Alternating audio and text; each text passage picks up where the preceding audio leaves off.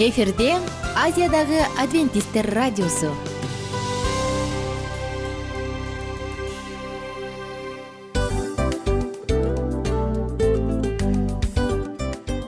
Достор салют.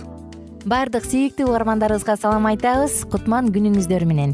Ден соолук өмүрдүн булагы демекчи саламат саамы программасында баарыңыздарды көргөнүбүзгө абдан кубанычтабыз. Анда алгач амандашып өтөлү арбаңыздар деп. Ден соолугуңуздар кандай элибизде көбүнчө ден соолук кандай дегенде эле жакшы деп жооп беребиз э? ооруп турсак дагы жакшы дейбиз. Анан мен муну айтып ойлойт элем бул абдан сонун сөз депчи анткени бул жакшы деген үмүт да э баары жакшы болот. Баары сонун. Деп үмүттөнүп атып эле өзүбүздү өзүбүз дарылап коебуз. Анысы кандай сиздин дагы ден соолугуңуз жакшы беш деген үмүттөбүз чындыгында ден соолук бул өмүрдүн булагы деп бекеринен айтылган эмес деп ойлойм. Кыргыз элинде анткени эгерде ден соолук жок болсо анда адамдын жашоосунда калган баардык керектүү маңыздуу нерселер өзүнүн баалуулугун жоготуп коет. Ошондуктан ден соолук бул эң керектүү нерсе. Ооба туура айтасың кесиптешим чынында ден соолугуң жок бир эки үч күн ооруп калсаң эле э кандай болуп калат? Жашоодо көз каранды болуп каласың көп нерсеге жетишпей каласың көп нерсени кыла албай каласың жада калса эшикке дүкөнгө да чыга албай каласың. Туптуура анан ден соолук болсо демек биз биздин бактыбыз тотой деп койсок болот. Анда достор саламат саамы рубрикабызды баштайлы. Алдыда өзүңүзгө керектүү болгон сонун кеңештерди уга аласыздар. Мына ошондуктан биз менен бирге болуңуздар. Ал эми биз болсо милан жана айнура. Кеттик алга. Алга саламат саама ден соолуктун жарчысы. Саламат саама ден соолуктун ачкычы. Күн сайын сиз үчүн мыкты кеңештер сонун жаңылыктар кызыктуу фактылар биздин рубрикада.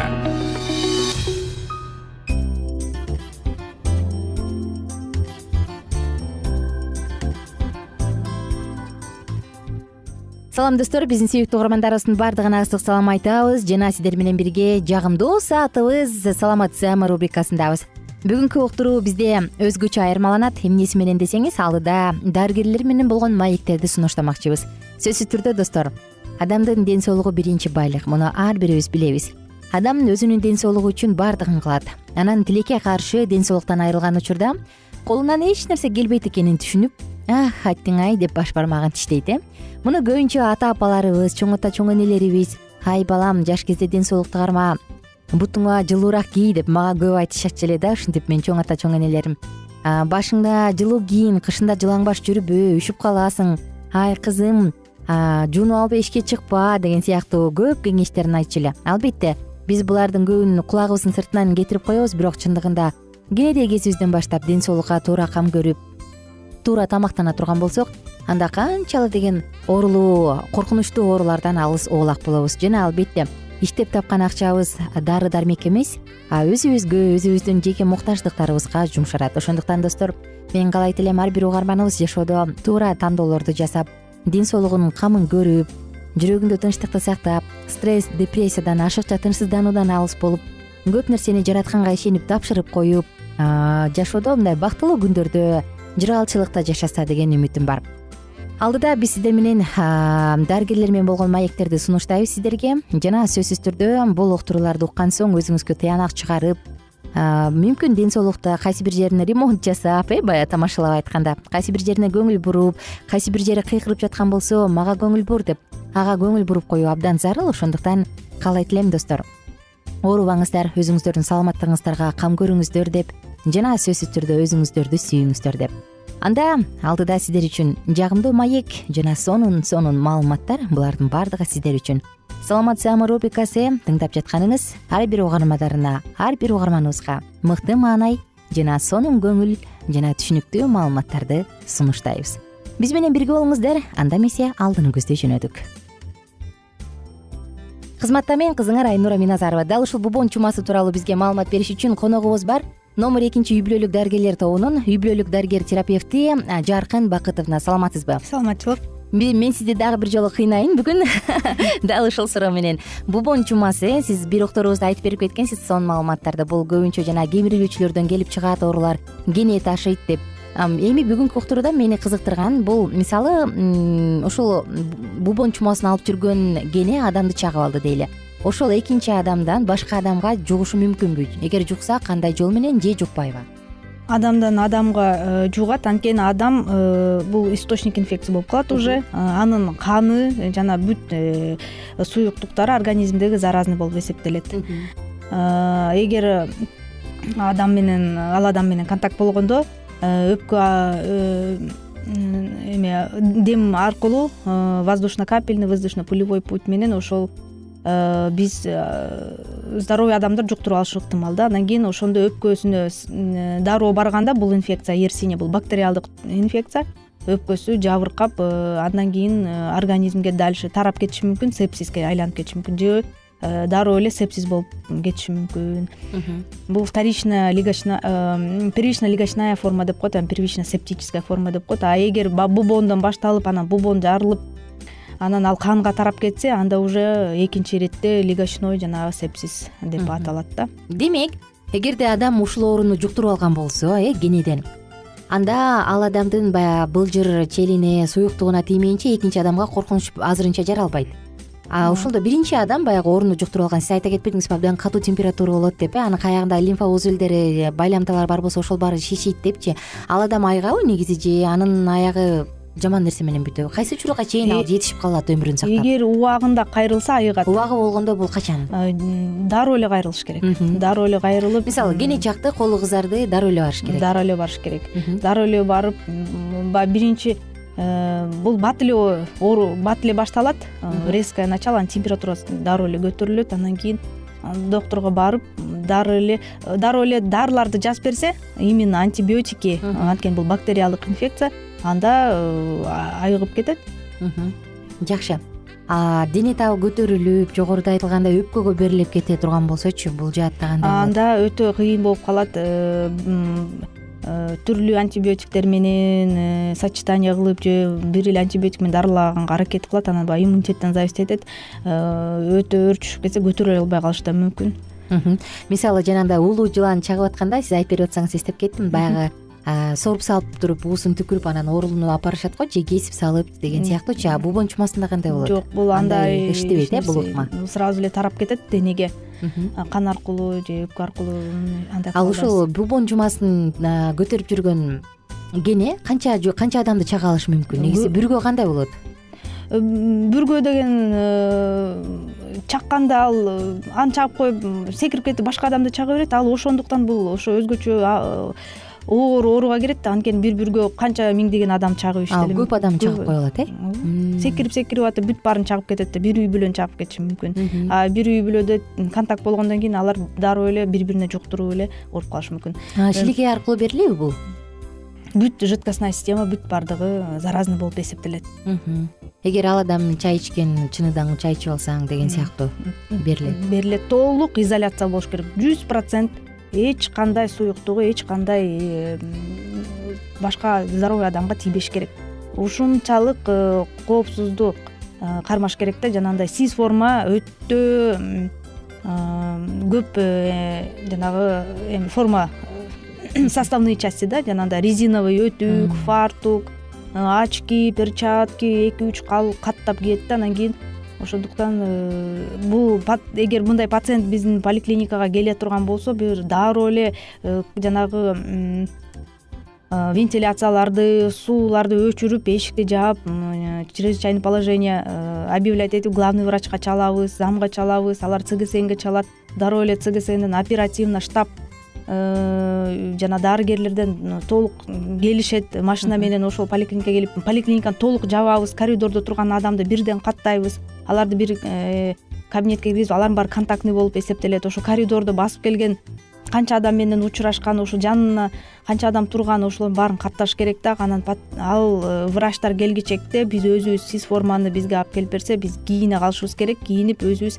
четте туруп э, же болбосо тиги врачтар келгенде ошол замат алар да формачан келип анализдерин алып аны инфекционный больницага жаткырат. Ага чейин инфекционный больницада развертывается полная система боксированное отделение анан ошондой мероприятие деп коет да бул атайын мероприятиялар биз э, бир жылда төрт жолу учение кылып турабыз. Жакшы. Жооп үчүн ыраазычылык айтабыз сизге келип бергениңиз үчүн ыраазыбыз жана достор мен сиздер менен коштошом. Эгерде суроо бар болсо ылдый жакка комментарий менен калтырыңыз. Кайрадан амандашканча сак саламатта туруңуздар. Кененирээк маалыматтар үчүн үч w чекит саламат чекит клуб сайтына келип таанышыңыздар. Жана андан тышкары социалдык тармактарда youtube facebook жана instagram баракчаларына катталыңыз саламат саама ден соолуктун жарчысы. Саламат саама ден соолуктун ачкычы. Күн сайын сиз үчүн мыкты кеңештер сонун жаңылыктар кызыктуу фактылар биздин рубрикада.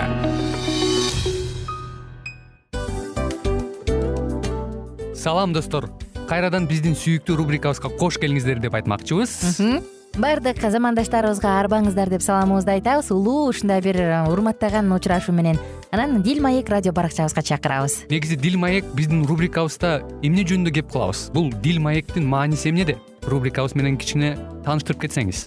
Сөзсүз түрдө тааныштыра кетейин кесиптешим суранычы боюнча бул учурда бул радио баракчада биз ар тарап кесип ээлеринен сонун кеңештерди алабыз сүйлөшөбүз сырдашабыз аталарыбыздын эжелерибиздин апаларыбыздын кеңештерин угабыз. Айтор жан дүйнөгө адамдын э, сапатына адамдын деги эле адам болуп жашашына керектүү баардык кеңештер алдыда.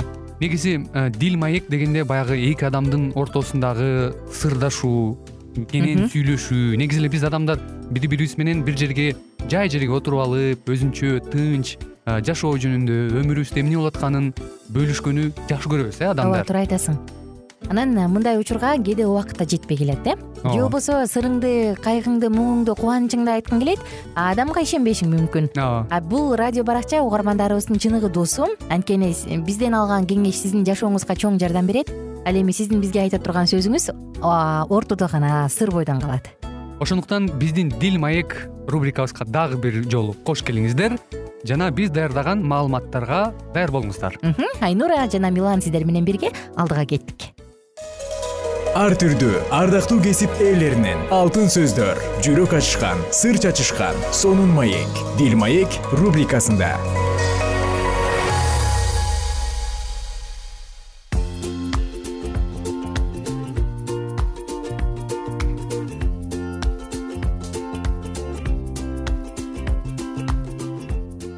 Салют достор баардык угармандарыбызга кайрадан ысык салам арбаңыздар бар болуңуздар урматтуу угармандарыбыз. Кайрадан эле биз сиздер менен дил маек уктуруусунда ободо үн алышып жатабыз улан кесиптешимин аты жөнү жана мен айнура кызматыңыздардабыз бүгүн сиздер менен үй бүлөдөгү кечиримдин ролу деп аталган теманы улантабыз э. Анан мен кесиптеш сага ушул үй бүлөдөгү кечиримдин ролу дегенде бир э, бир кичинекей под темасын сунуштагым келип турат. Мүмкүн эркектер жөнүндө сөз кылбайлыбы э.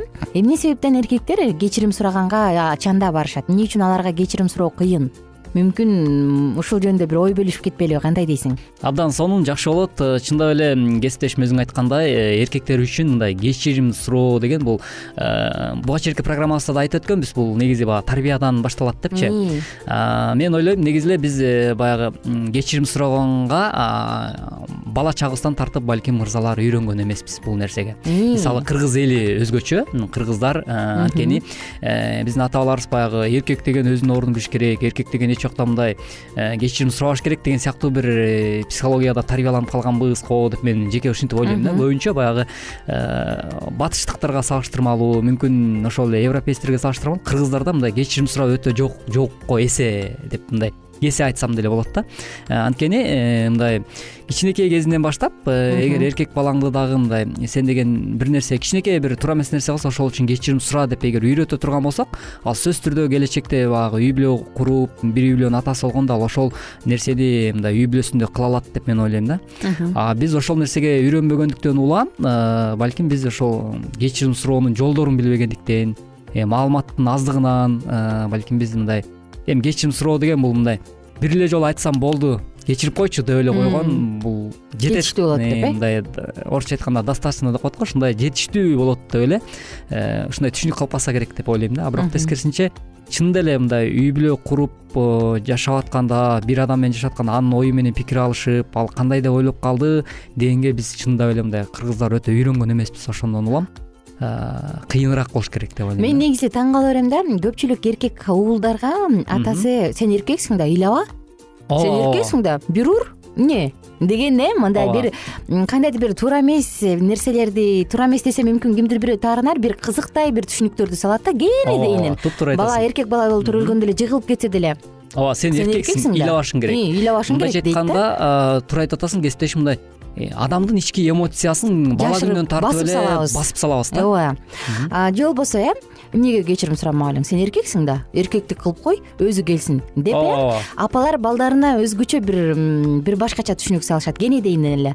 Эркек минтпейт эркек антпейт эркек бир сүйлөйт эркек деген сөз ташыбайт эркек деген аз сүйлөш керек деп эркек деген сүрдүү болуш керек деп атып эле биз байкуш уулдарды кичинекей кезинен мынтпай койсом мен эркек болбой калат экенмин. Кокуй дешеби айтор. Эркек балдардын психологиясын бир башкача бир кичинекей капаска салып салат болушубуз керек да. Анан ушундан улам эркек адамда кечирим суроо керек болсо жөн эле сезимдерин айтуу жок э. Мен аябай таң калам да. Мен сени сүйөм дегенден эркектер уялышат да. Мындай кээде таң каласың да эмне себептен депчи? Сүйөт экенин билсең дагы бирок айткандан тартынышат. Апа мен сизди жакшы көрөм деп бетинен өпүп койгон мырзаларды мен аябай аз көрөм таң каласың. Анткени кичинекейин ай кыздарды болуп эмне өпүп атасың шалпактатып деп атып эле апасычы баласын өзүнөн түртүп алган да карасаңчы. Ооба туптуура мындай чындыгында көп кездешет. Ооба чындап эле көбүнчө биздин элибизде ушул нерсе көп кездешкендиктен э, ушундай мүнөз э, бала күнүбүздөн калыптанып калгандыктан балким мырзаларга өтө кыйын кечирим сураш. Жана ошол эле учурда мындай мени кечирип койчу алтыным мисалы жубайына карата э менин жаным деп айтыш балким оордур.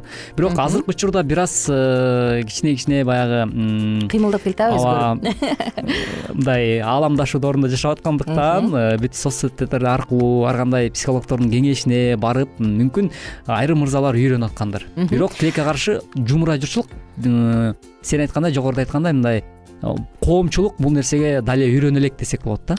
Психологдор эмне дешет дебейсиңби эмне себептен? Эркектер кечирим сурагандан коркушат дегенде алар мындай дейт. Биринчи эле кезекте кечирим суроо бул критика менен конфликтке жаңы баягы терезени ачып коет деп коркушат дейт. Ошол себептен улам кечирип койчу деп баягы тобо кылып деп коет го э кечирип койчу деген сөздү айткандан коркушат экен. Мен кечирип койчу дегенсем баягы тиги нааразычылыгын айтып баштайт критикалап баштайт. Э андан көрө кирсейин да унчукпай коеюн деп корккондуктан ушул нерсени кылгандан коркушат экен элестет мен мага абдан кызык болду бул ой. Чындап эле кызык экен.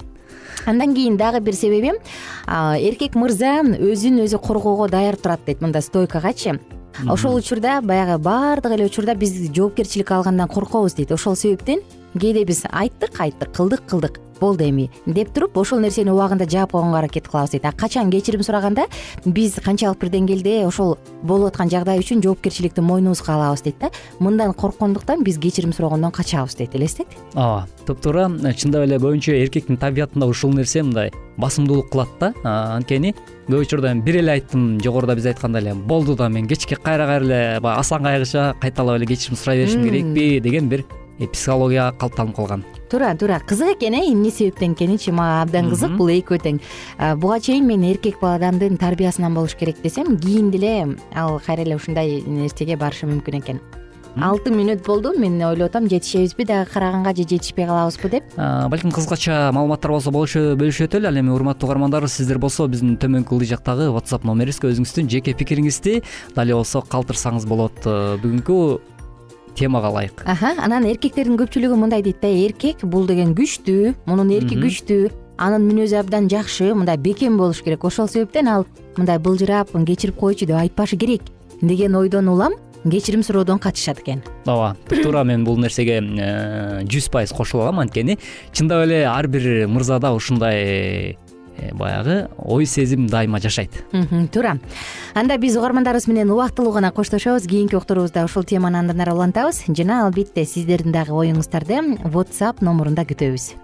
Урматтуу угармандар э, уктуруубузга кулак төшөгөнүңүз үчүн рахмат. Кийинки уктуруудан амандашканча аман туруңуз эгер бүгүн жакыныңыз менен урушуп кеткен болсоңуз же кечээ мурда күнү урушуп кетип бултуйюп тултуюп чогуу чай ичпей сүйлөшпөй атсаңыз анда мүмкүн бүгүн отуруп алып мүмкүн сен алтыным сүйгөнүм ушинтип кечирим сурагың келбей жаткандыр. Бирок мени кечирип кой деп э? Анткени эки алака мынтип тарс демейинче үн чыкпайт деп коет го эки адам тең баары бир күнөөлүү болот. Ошол себептен кечирим үй бүлөнү сактоочу бирден бир фундамент. Кайрадан амандашканча ар түрдүү ардактуу кесип ээлеринен алтын сөздөр жүрөк ачышкан сыр чачышкан сонун маек бил маек рубрикасында.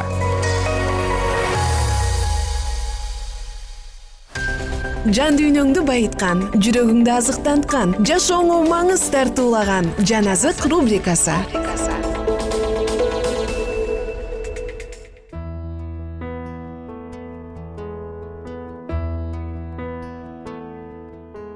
салют достор баардык угармандарыбызга ысык салам айтабыз. Жана жалпыңыздар менен жагымдуу дагы бир радио баракчабызда үн алышканыбызга кубанычтабыз. Жан азык рубрикасы жан азык уктуруусунда сиздер тыңдап жаткан кайрадан эле э, бүгүнкү уктуруубузда биз адилеттүүлүк деген теманын алкагында кеп кылып турган учурубуз андыктан ушул мүнөттөрдө биздин одон алыстабай биз менен биргеликте болуңуздар. Кызматыңыздарда мен улан жана ошондой эле менин супсулуу болгон кесиптешим айнура. ой рахмат.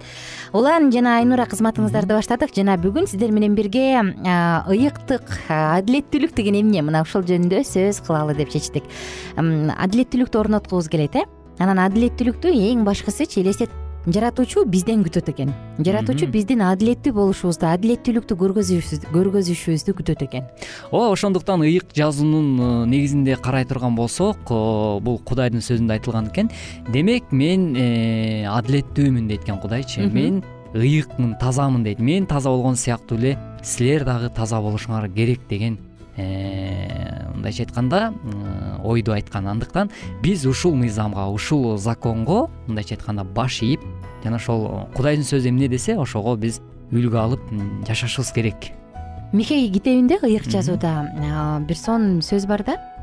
Сөзмө сөз эстей албай турам ал жерде жаңылышпасам мындай. Адам сага айтылганы дейт чындык менен жакшылык менен адилеттүүлүктү сенден теңир талап кылат жана бул ошол теңирге жагат дейт да элестет абдан сонун айтылган сөз да мына жаратуучу бизден талап кылган нерсе ушул адилеттүүлүк. Анан мен ойлойм адилеттүүлүктө биз дароо эле каалап туруп эле адилеттүү болуп кала албайбыз деп. Бул үчүн машыгыш керек депчи. Биринчисинде болбой калышы мүмкүн экинчисинде болбой калышы мүмкүн. А бирибизди ойготуп кандай кылсам туура болот кайсындай кылганда адилеттүү болот деп мен жогорку бир уктурууда айтпадым белем стандартка кудайдын стандартына алып келип улам ченегенде чын эле биз адилеттүүлүктү орното алабыз деп. Же болбосо жанагы виндизелдин тасмасындагыдай болуп өлтүрүү талаптоноо жолу менен адилеттүүлүктү орнотуу бул нормалдуу деп ойлоп калышыбыз мүмкүн э? Албетте бул тасма бирок канчалык бир деңгээлде чындыгы бар ооба. Бирок биз эч убакта кандайдыр бир кыргын сүргүн өлтүрүү менен эч убакта бул жашоодо адилеттүүлүктү э, орното албайт экенбиз ошондуктан бул нерсени эске алып коелу э эсиңдеби кесиптеш. Бир жолу биз уктуруубузда ушундай тема кылбадык беле жамандыкка жакшылык деп э? Ооба. Жамандыкка жамандык менен жооп берүү менен биз эч качан бул жаман чынжырды үзө албайбыз. Анан жерде адилеттүүлүк орното албайбыз биздин адилеттүүлүгүбүз качан орнойт чын эле жаратуучуга табынганда чын эле жаратуучу мына сенин колуңа алып келем деп ага тапшырганда анын негизги стандартына келип ага тапшырганда гана мен ойлойм ошондо бизде чын эле адилеттүүлүк пайда болот деп. Сөзсүз түрдө ошондуктан ыйык жазуунун негизинде карай келсек деле ошол атак даңктуу сулайман аттуу падышанын уулу дөөт пайгамбар. Э, дөөт пайгамбар дагы мындай жашоосунда көбүрөөк адилеттүүлүктү издеп э, ушундай э, адилеттүүлүккө умтулгандыктан анын жүрөгүн кудай теңир баалады дейт да. Мындайча айтканда адил адам катары эсептеди дейт. Ошол сыяктуу мындай биздин жашообузда да ошо дөөттүкүндөй жүрөк болуш керек деген ойду айткым келип атат. Туура айтасың. дөөт сыяктуу болуп дайыма адилет үчүн чыркырап адилеттүүлүккө умтулганга аракет кылышыбыз керек. Забур китебинде дагы айтылат эмеспи э адилетсиздердин жыйынына барбаган адам бактылуу депчи. Э анан карап отурсаң адилеттүү болуш үчүн сенин айланаңдагы адамдар дагы абдан чоңур ойлонот э? Эгерде сен адилетсиздердин чөйрөсүндө жүрүп мен адилеттүү болом десең сен боло албайсың. Анткени баягы сыныктан башкасынын баары жугуштуу деп коет го. Анан анысы кандай тескерисинче адилеттүүлөрдүн жыйынына адилеттүүлөр менен чогуу жүрө турган болсоң бул нерсе канчалык бир деңгээлде мүмкүн болот. Аны орнотууга ага умтулууга чын эле мүмкүн болот туура айтасың чындап эле сен айткандай кесиптешим ушул дөөт жазган забурларда ошол ырларында дагы айтат экен. Э, мыйзамсыздардын мындай кеңешпесине барбаган адам бактылуу деп атпайбы. Ошол эле сыяктуу э, күнөөкөрлөрдүн жолунда турбаган дейт э анан андан сырткары дагы мындай аябай сонун сөздөрдү айтып кеткен. Э, мисалы үчүн мыйзамсыздар дейт өзүлөрүнүн жашоосун мындайча айтканда өлүмгө дуушар кылышат дептир да. Демек бул жерде эмнени айтып атат? Мыйзамды бузган дейт. Мындай адилеттүүлүктү талап кылгандын ордуна адилеттүүлүктү сүйгөндүн ордуна тескерисинче мыйзамсыз иштерди сүйгөндөр. Демек алар өзүлөрү ошол жашоону тандагандыктан алар өлүмгө дуушар болот дейт да ошондуктан э, бул кичинекей сөз менен Э, биз эмнени айткыбыз келет? Урматтуу угармандар сөзсүз түрдө биз кайда гана болбойлу кайсыл гана ишти аркалабайлы ар дайым кылган ишибизде дагы мындай адилеттүүлүктү жана ошол эле учурда калыстыкты талап кылып жашашыбыз керек экен да ошол умтулуп э ошол нерсеге. Анткени дөөттүн жашоосун карасак деле мисалы кесиптешим бул мындай калыстыктан адилеттүүлүктү сүйгөн адам экенин ыйык жазуу чагылдырып жатат да. Себеп дегенде э, баягы ошол израиль элине тарыхты карай турган болсок э, кол салуу болгондо галиаф аркылуу э, ошол учурда ал дөөт адилеттүүлүктү талап кылып өзүнүн элине болушуп мындайча айтканда жок деп каршы чыкты. Туура айтасың негизи бул жер жерде дүйнөдө адилеттүүлүктү мүмкүн орното албашыбыз мүмкүн э? Бирок адилеттүүлүккө умтулуп адилеттүүлүк адилеттүү жашай алабыз бул дүйнө шайтандын бийлигине берилгендиктен мүмкүн биз каалаганда адилеттүү бийлик келбеши мүмкүн адилеттүү адам келбеши мүмкүн. Бирок ыйык жазууда жазылат эмеспи адилеттүүлөр дейт э адил адамдар кийин э, болочокто түбөлүктүүлүктө алар жаркырашат дейт э. Ошондуктан адилеттүү болгондон бирден бир чоң артыкчылыгы бирден бир чоң ийгилиги бул болочокто түбөлүктүүлүктө түбөлүк өмүрдө биздин жаратуучу кудай менен бирге бейиште жаркырап аны даңктап ушундай жыргал жашоого жашоодо жашашыбыз экен. Ошондуктан достор сиздерге кайтат элек. Эгер сизди адилеттүүлүгүңүздү эч ким кабыл албай түшүнбөй жатса эч качан кап этпеңиз. Анткени түшүнгөн баардыгынан жогору турган кудай бар. Ал сөзсүз түрдө сиздин адилеттүүлүгүңүздү баалайт. Сөзсүз түрдө анткени биздин жараткан жаратуучубуз ар бирибиздин кылган ишибизге жараша өзүнүн улуу белегин ыйгарат. Ошол эле учурда эгерде туура эмес иш кыла турган болсок анда сөзсүз түрдө биз өзүбүздүн ошол сепкен үрөөнүбүздү оруп алып жашашыбыз да мүмкүн. Ошондуктан кайда гана болбоңуз кандай гана ишти э, аркалабаңыз сөзсүз түрдө калыстык менен адилеттүүлүктү жашооңузда мындайча айтканда мыйзам кылып э, ошону э, туу көтөрүп жашаңыз деген ойду айткым келип атат жүрөгүбүздө кудайдан коркуу болсун. Кудайдан корккондо гана биз адилеттүүлүккө умтулат эмеспи. Ошондуктан достор жалпыңыздар менен коштошобуз. Жүрөгүбүздө ыйман э, кудайдын руху болсун жана сөзсүз түрдө адилеттүүлүккө умтулалы коштошобуз ушуну менен ушул темабызды жыйынтыктадык кийинки чыгарылыштардан амандашканча күнүңүздөр көңүлдүү улансын анда кесиптеш бир коштошуп алчы чын жүрөктөн. Анда эмесе урматтуу угармандар ушул айтылган баардык тилектер кабыл болсун. Ар дайым жашооңуздарда жакшылык өкүм сүрсүн деген тилек менен коштошобуз. Сак саламатта болуңуздар. Амандашканча достор бар болуңуздар. Эгер сиздерде суроолор болсо же көбүрөөк маалымат билем десеңиз анда биздин whatsapp номерибизге жазыңыз. Плюс бир үч жүз бир жети жүз алтымыш алтымыш жетимиш. Кайрадан плюс бир үч жүз бир жети жүз алтымыш алтымыш жетимиш